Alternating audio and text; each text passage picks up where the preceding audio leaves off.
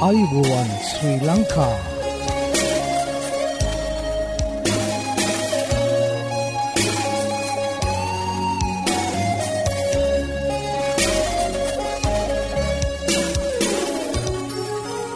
ඔබට සුපදස මේ ඇඩවෙන්ටිස් වර්ල් රේඩියෝ බලාපොරොත්වය හඬයි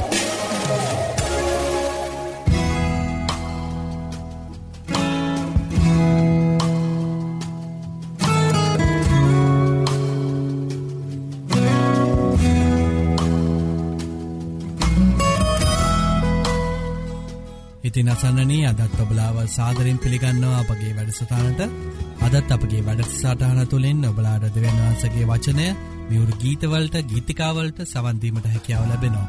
ඉතිං මතක් කරන්න කැවති මෙම වැඩසටානගෙනෙන්නේ ශ්‍රී ලංකා 7ඩ ඇඩවෙන්ටිස් කිතුුණු සභාව විසින් බව ඔබලාඩ මතක් කරන්න කැමති. ඉතින් ප්‍රැදිී සිටින්න අප සමඟ මේ බලාපොරොත්තුවය හඬයි.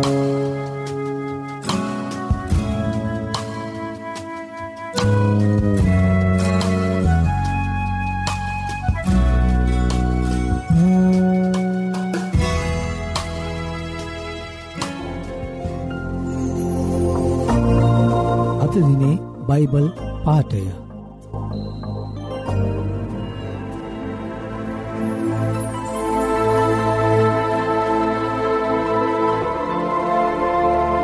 සේනාවන්ගේ දෙවි වූ ස්වාමින් වහන්ස ඔබ හා සමාන බල සම්පන්න කෙනෙක් කවරේද? ඔබ මුහුදේ උඩගුකම දමනය කරන සේක. එහි රැල නගින කල ඒවා නිශ්චල කරන සේක.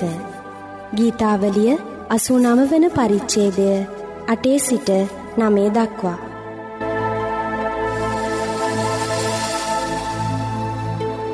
සත්‍යය ඔබ නිදස් කරන්නේ යසාය අටේ තිස්ස එක.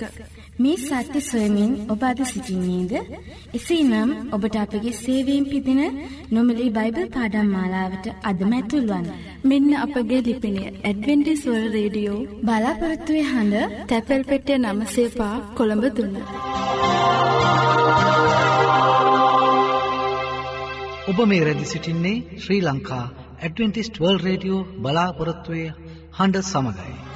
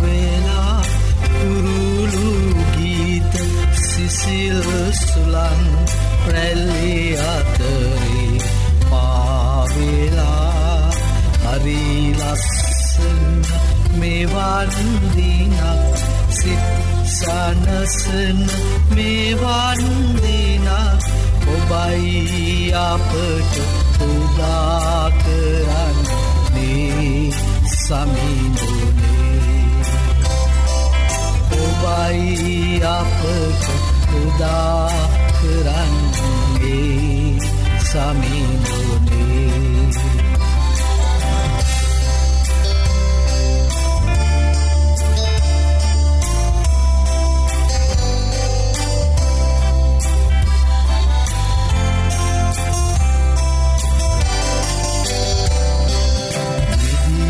මගේ වැඩ සියල්ල සතුටු සිනා කඳුළුමෙන් මෙදින මගේ වැඩසිියල් සතුටු සිනහා කඳුළුමෙන් ඔබහටවාරයි සමීනෙ ඔබහට බාරයි.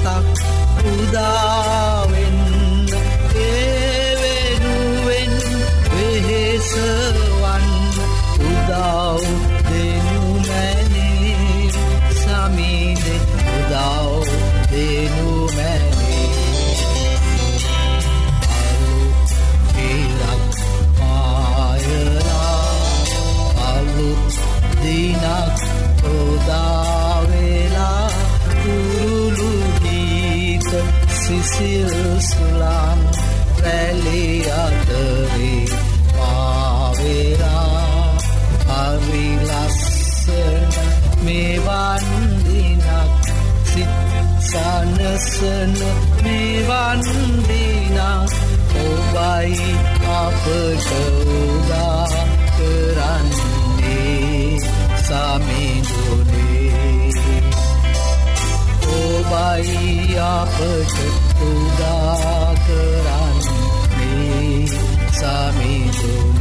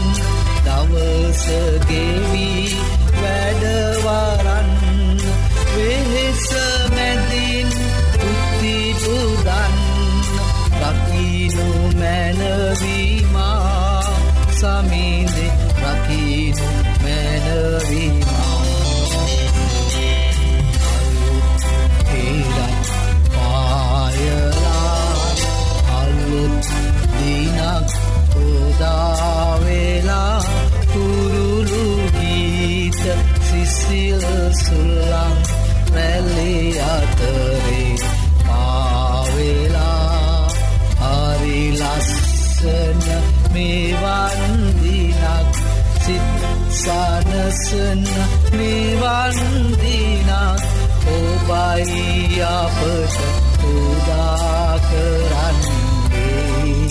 සමිදුනේ ඔබයි අපට උදා කරන්නේ. සමිදුනේ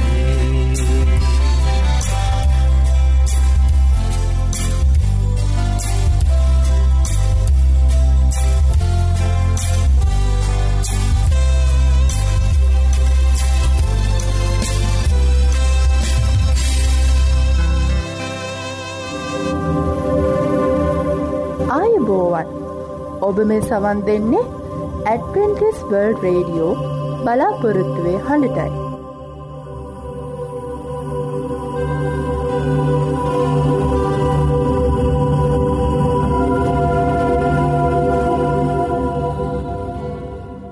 යෙසායා පනස්සිකි දොළහා නුඹලා සනසන්නේ මමය. ඔබට මේ සැනසම ගැන දැනගානට අවශ්‍යද? එසේනම් අපගේ සේවය තුළින් නොමිලේ පිදෙන බයිබල් පාඩම් මාලාවට අදම ඇතුල් වන්න. මෙන්න අපගේ ලිපිනය ඇඩවෙන්ටිස් වල් රේඩියෝ බලාපොරොත්තුවේ හඬ තැපැල් පෙටිය නමසේ පා කොළඹ තුන්න.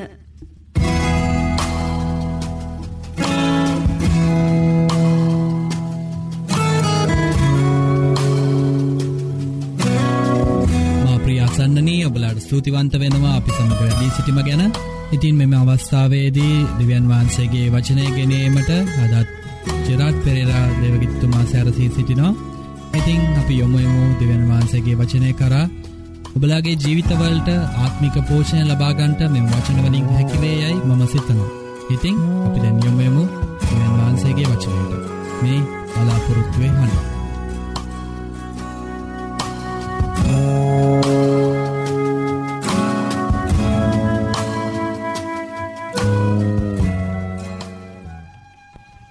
යෝනාගේ කතාව අද අපට ඉතාම වැදගත් වෙනවා. එයින් දක්වන්නේ දෙවියන් වහන්සේ ජාතීන් සමඟ ක්‍රියා කරන අන්දම. යෝනා ඓතිහාසක පුද්ගලේ යෝනා ඊස්්‍රය රජුට සැනසීමේ පනිවිඩයක් ගෙන ගිය. ඊස්්‍රය රජුට පමණක් නෙමේ සෙනගට කරුණාවේ පනිවිඩයක්. ඒත් ඔවුන් ඔවුන්ගේ පාපවලින් හැරුණේ නැහැ. දැන් කුමක්ද වුණේ මේ පනිවිඩය අන්න ජාතියන්ට පනිවිඩයක් වුණා. එයින් ඔවුන් තමන්ගේ පාපවලින් හැරුණා.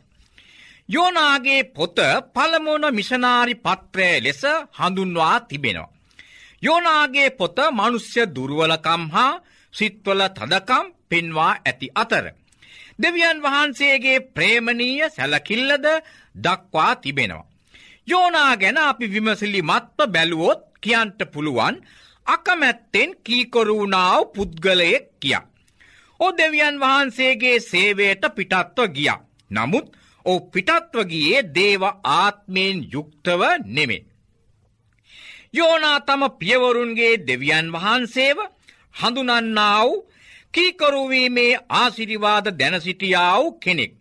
නමුත් ඔවු කූර අසරියවරුන්ට සේවය කරන්ට අකමැතිව නිනවයට නොගොස් වෙන අතකට හැරුණා. යෝනා දෙවියන් වහන්සේගේ පනිවිඩයට ඇවුම්කන් නොදී උන්වහන්සේ වෙතින් පැනයද්දි. ලොකු කරදරයකට මූුණ පෑව. මේ අපේ ජීවිතයට හොඳ පාඩමක් වෙනවා. අපි දෙවියන් වහන්සේගේ වැඩ නොකර මගහැර යනවාද එසේ කොළොත් අපටත් නොයකුත් කරදරවලට මූුණපාන්ට සිදුවෙනවා. අපිත් යෝනාමෙන් ස්වර්ගීය ආසිරිවාදවල මාර්ගයයි සිතාගෙන අපගේම මාර්ගවල ගමන් කිරීම පහසුයයි සිතනවා. දිව්‍ය කැඳවීමට මුහුණදීම ඉතා බැරෑරුම් දෙයක්. යෝනා කැඳවීමෙන් ඉවතට හැරුණේ ඇයි. නගරේ විශාල කමද. පනිවිඩය අසනු නොලබේ යන බිය නිසාද. නගරවාසීන්ට තිබූ බිය නිසාද. ජාතිවාදය නිසාද. මිත්‍යලබ්ධික වූ නගරයක් වූ නිසාද. දිව්‍ය කැඳවීමට අකීකොරු වූයේ අදහිරය මදි නිසාත් ඇදහිල්ලෙන් දුර්වල නිසාත්. අපට දිව්‍ය කැඳවීමක් පැමිණියොත් යෝනාමෙන් මගහැර යනවාද. එසේ කොළොත් අප විසින් අපට කරදර පාඩු ඇතිකර ගන්නවා. යෝනාගේ කතන්දරය අපට ඉතා වැදගත් වෙනවා. දෙවියන් වහන්සේගෙන් කුමනාකාර පනිවිඩයක් පැමුණුනත් ඒට කීකරුව එය ඇදහිල්ලෙන් බාර ගනිමු. දෙවියන් වහන්සේට මුළු මැවිල්ලම කීකරුවෙන්ට ඕන. දෙවියන් වහන්සේ යෝනාට යන්ටකීවේ නිනවයට. දැන් අපි බලමු නිනවය ගැන. නිනවය පිහිටියේ ටයිග්‍රීස් ගංගාවේ නැගෙනහිර පැත්තේ. එ ගොඩ නැගුවේ නිම්රොත්. එය එකල වූ විශාලම නගරයද අසිරියාවේ අගනුවරද වුණා. ඒ ප්‍රමාණය අක්කර එක්දාස් හයසිය හතලියක්. ජෙරුසල්ලම ගැන බලන අතර එය අක්කර අනුවටත් අඩුයි. නිනවේ නගර හතරක් ඈඳා සාදා තිබුණේ. එය මල්වතු පලතුරුවතු තන පිට්ටනි ධාන්‍ය කුඹුරුවලින් සමන්විතව තිබුණා. මේ නිනවය කොතරම් විශාලව තිබුණත් සරුසාරව තිබුණත් එහි විසූ සෙනගගේ තත්ත්වය කෙසේද. නිනවය දුෂ්ට නගරයක්. මිනීමරු බොරුකාර නගරය විනාසයට කැපකර ඇතැයි නාවුම් අනාගත වක්තෘවරයා ප්‍රකාශ කර තිබෙනවා. අද සමහාරය උදම් අනනවා ලෝකයේ විශාලම නගරය අපගේ නගරය බලයෙන් යුක්තයි. ආරක්ෂා සහිතයි කියා. නමුත් දෙවියන් වහන්සේ ඊට ප්‍රසන්න වන්නේ නැහැ. සෙපනියා මෙසේ ප්‍රකාශ කරනවා. ප්‍රීතිමත්ව අප්‍රවේශමෙන් වාසය කරමින් තවත් කෙනෙක් නැතුව මමම සිටිමී සිත තුළ සිතාගන්නාව නුවර මේය. ඒක පාළුවද්ද මුර්ගයන් ලගින තැනක්ද වූ හැටි ඒ ලගින් යන හැම දෙනාම කවටකම් කර අතසොලවනවා ඇත. යෝනා තම පියවරුන්ගේ දෙවියන් වහන්සේව හඳුනන්නාව. කීකොරුවීමේ ආසිරිවාද දැන සිටියාව කෙනෙක්. නමුත් ඔහු කූර අසරියවරුන්ට සේවය කරන්ට අකමැතිව වෙන අතකට හැරුණ. යෝනාව කැඳෙව්වේ නැගනහිර දෙසට යන්ට. නමුත් ඔහු නැවට නැගී ගමන් කළේ බටහිර දෙසට. යෝනා නැවේ අඩියේ සැඟවී නිදා සිටියම්. මේ අතර විශාල කුණාටුවක් හමන්න පටන් ගත්ත. බියටපත් නැවියන් යෝනාගෙන් ප්‍රශ්න කරන්ට පටන් ගත්ත. එවිට යෝනා මුහුද මැවූ තැනන් වහන්සේ ගැන නැවියන්ට කියා දුන්න. ඒ විතරක් නොවේ තම වගකීමෙන් පැනයන බව ලැජ්ජාවෙන් කියා සිටිය. කුණාටුවාවේ තමාව ආපසු ගෙනයන පිණිස බව යෝනා දැනගත්ත. බලන්න අන්න ජාතිකයන්ට යෝනාව පුපුදුවන්ට අවශ්‍ය වුණා. අපත් අවට සිටින්නන්ගේ අවශ්‍යතා සම්බන්ධයෙන් අපගේ සේවය මත නිදා සිටිනවාද. යෝනාව කැඳවනු ලැබුවේ දෙවියන් වහන්සේ ඔහුට රැගෙනයන්ට තිබුණේ උන්වහන්සේගේ පනිවිඩය. ඊටත් වඩා සහතිකයක් තවත් වුවමනා නැහැ. අවසානයේ නැවියන් යෝනාව මුහදට විසි කලා.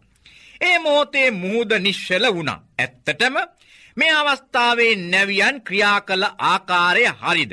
ඔවු ඒ වේලාවේ ක්‍රියාව තමයි අවශ්‍ය. ස්වර්ගීය දෙවියන් වහන්සේ අපටත් යමක් කියන විට. අප නිස්සද්ද නොවී ක්‍රියාත්මක වෙමු. මහත් කුණාටුව යෝනාගේ සාක්ෂිය. කුණාටුව නිශ්සෙලවීම යන මේ සියල්ලම ජීවමාන දෙවියන් වහන්සේට නමස්කාර කිරීමට නැවියන්ගේ සිත් හැරුණ. අකීකරු සේවකයාගේ ගැලවීමට ගත් පුදුම ක්‍රමය ගැන සිතන්න. මෙය අපගේ ජීවිතවලට ඉතාම වැදගත් වෙනවා.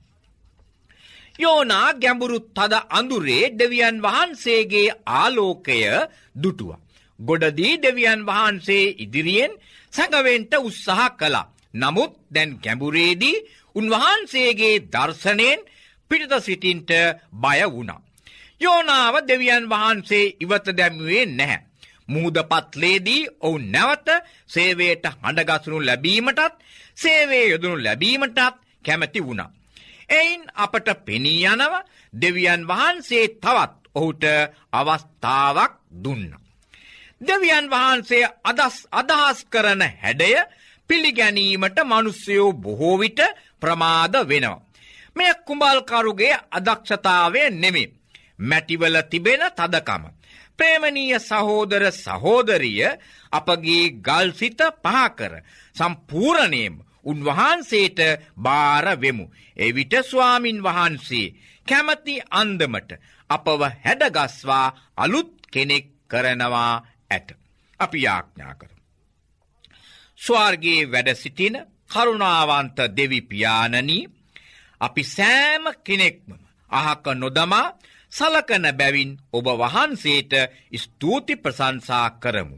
ස්වාමීනී ඔබ වහන්සේගේ වචනයට කීකරුව ඔබගේ කැමැත්තට එකඟව කටයුතු කරන්ට අපට පුළුවන්කම දෙනමෙන් ඉල්ලා සිටින්නේ ඒසුතුමාගේ උතුම් නාමය නිසාමය. යෙසාය පනස්සිකි දොළහා නුඹලා සනසන්නේ මමය. ඔබට මේ සැනසම ගැන දැනගානට අවශ්‍යද? එසේනම් අපගේ සේවයේ තුලින් නොමිලේ පිදෙන බයිබල් පාඩම් මාලාවට අදම ඇතුල් වන්න. මෙන්න අපගේ ලිපිනය ඇඩ්වෙන්ටිස් වර්ල්ඩ් රේඩියෝ බලාපොරොත්තු වේ හඬ තැපැල් පෙට්ටිය 900 කොළඹ 3. ආයුබෝවන් මේ ඇඩ්වෙන්ටිස් වර්ල්ඩ් රේඩියෝ බලාපොරොත්තු වේ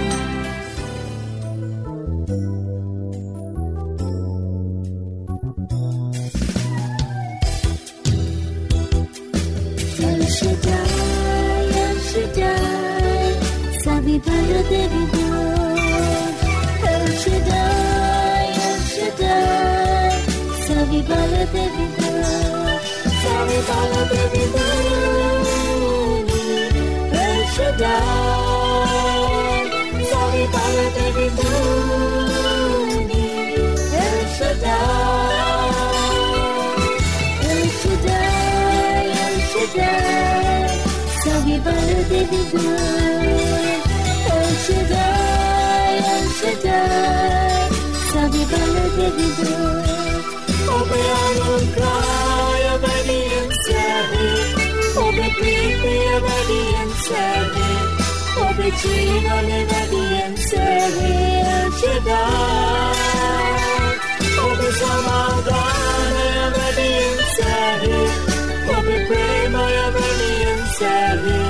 Obyvatele obedience be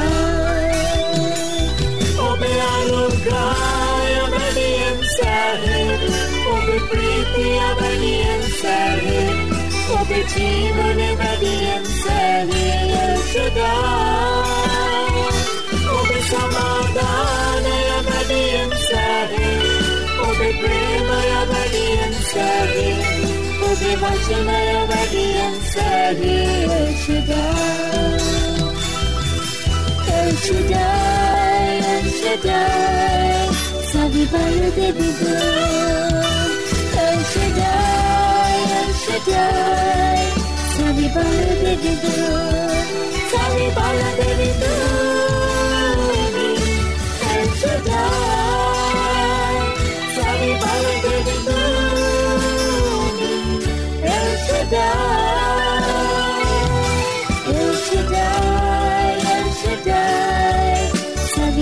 baby girl. El Shaddai, El Shaddai, Sally Baller, baby girl.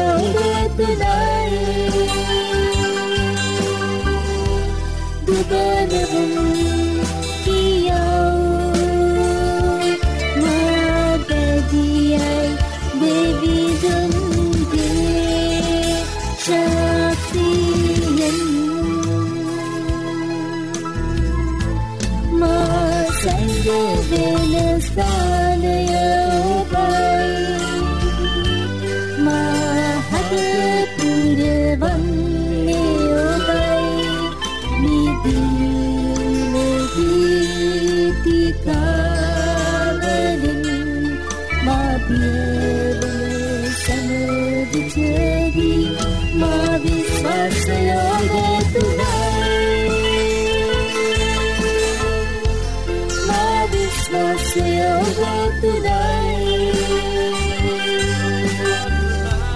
to the.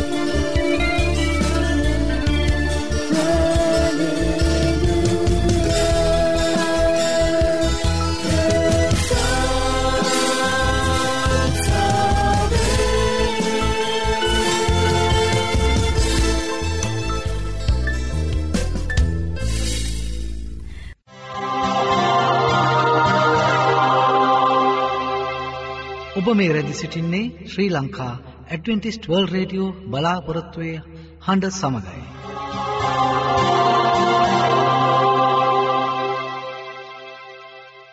ධෛර්ය බලාපොරොත්තුව ඇදහිල්ල කරුණාවසා ආදරය සූසම්පත වර්ධනය කරමින් ආශ් වැඩි කරයි. මේ අත්හදා බැලිමිට ඔබ සූදානන්ද එසේනම් එකතු වන්න. ඔබත් ඔබගේ මිතුරන් සමගින් සුවසතර පියමත් සෞඛ්‍ය පාඩම් මාලාවට. මෙන්න අපගේ ලිපිනේ ඇඩවෙන්ටිස් වල් රේඩියෝ බලාපොරොත්තුවේ අඩ තැපැල් පෙටිය නම්සේ පා කොළඹ තුන්න. නැවතත් ලිපිනය ඇඩවෙන්ටිස් වර්ල් රේඩියෝ බලාපොරොත්තුවේ හඬ තැපැල් පෙට්ටිය නමයයි බිඳුවයි පහ කොළඹ තුන්න.